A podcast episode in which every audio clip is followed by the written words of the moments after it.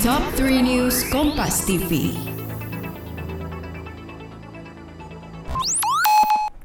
Halo Sobat Kompas TV, kembali kita akan update tiga berita terpopuler yang terjadi pada hari ini, Selasa 17 Mei 2022, bersama saya Sinta Milenia di Top 3 News Kompas TV.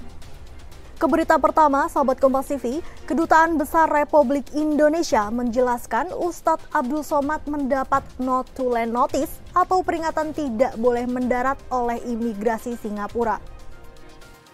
Duta Besar Indonesia untuk Singapura, Suryo Pratomo menyebut pihaknya telah meminta klarifikasi dari pemerintah Singapura tentang apa yang sebenarnya terjadi terhadap Ustadz Abdul Somad. Menurut penjelasan dari pihak imigrasi Singapura, Ustadz Abdul Somad mendapat not to land notice atau peringatan tidak boleh mendarat oleh imigrasi Singapura.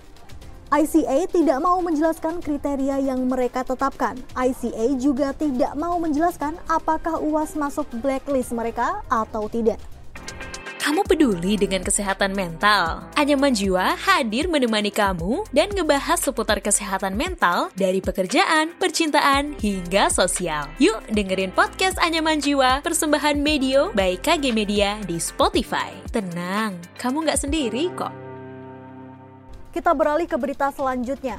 Pemerintah siap menyelenggarakan ibadah haji 2022 sesuai dengan ketentuan dari pemerintah Arab Saudi. Salah satu syaratnya dari Arab Saudi adalah batas usia calon jemaah haji harus di bawah 65 tahun.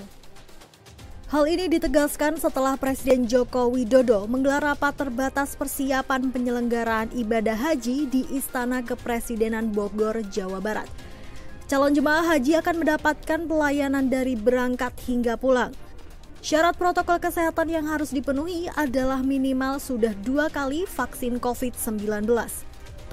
Nah, untuk berita terakhir, sahabat Kompas TV, ini berita yang sangat membahagiakan. Presiden RI Joko Widodo memutuskan untuk melonggarkan penggunaan masker di tengah kondisi COVID-19 di Indonesia.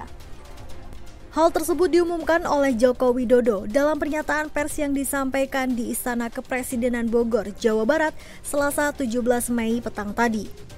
Ia menyatakan hal itu usai pemerintah memerhatikan kondisi saat ini di mana penanganan pandemi COVID-19 di Indonesia yang semakin terkendali. Namun, kebijakan pelonggaran masker itu diberikan kepada mereka yang beraktivitas di luar ruangan atau di area terbuka, tidak padat orang dengan tetap memperhatikan protokol kesehatan. Oke sahabat Kompas TV, itu dia tadi tiga berita terpopuler yang terjadi pada hari ini. Saya Sinta Melinia pamit undur diri dan sampai jumpa.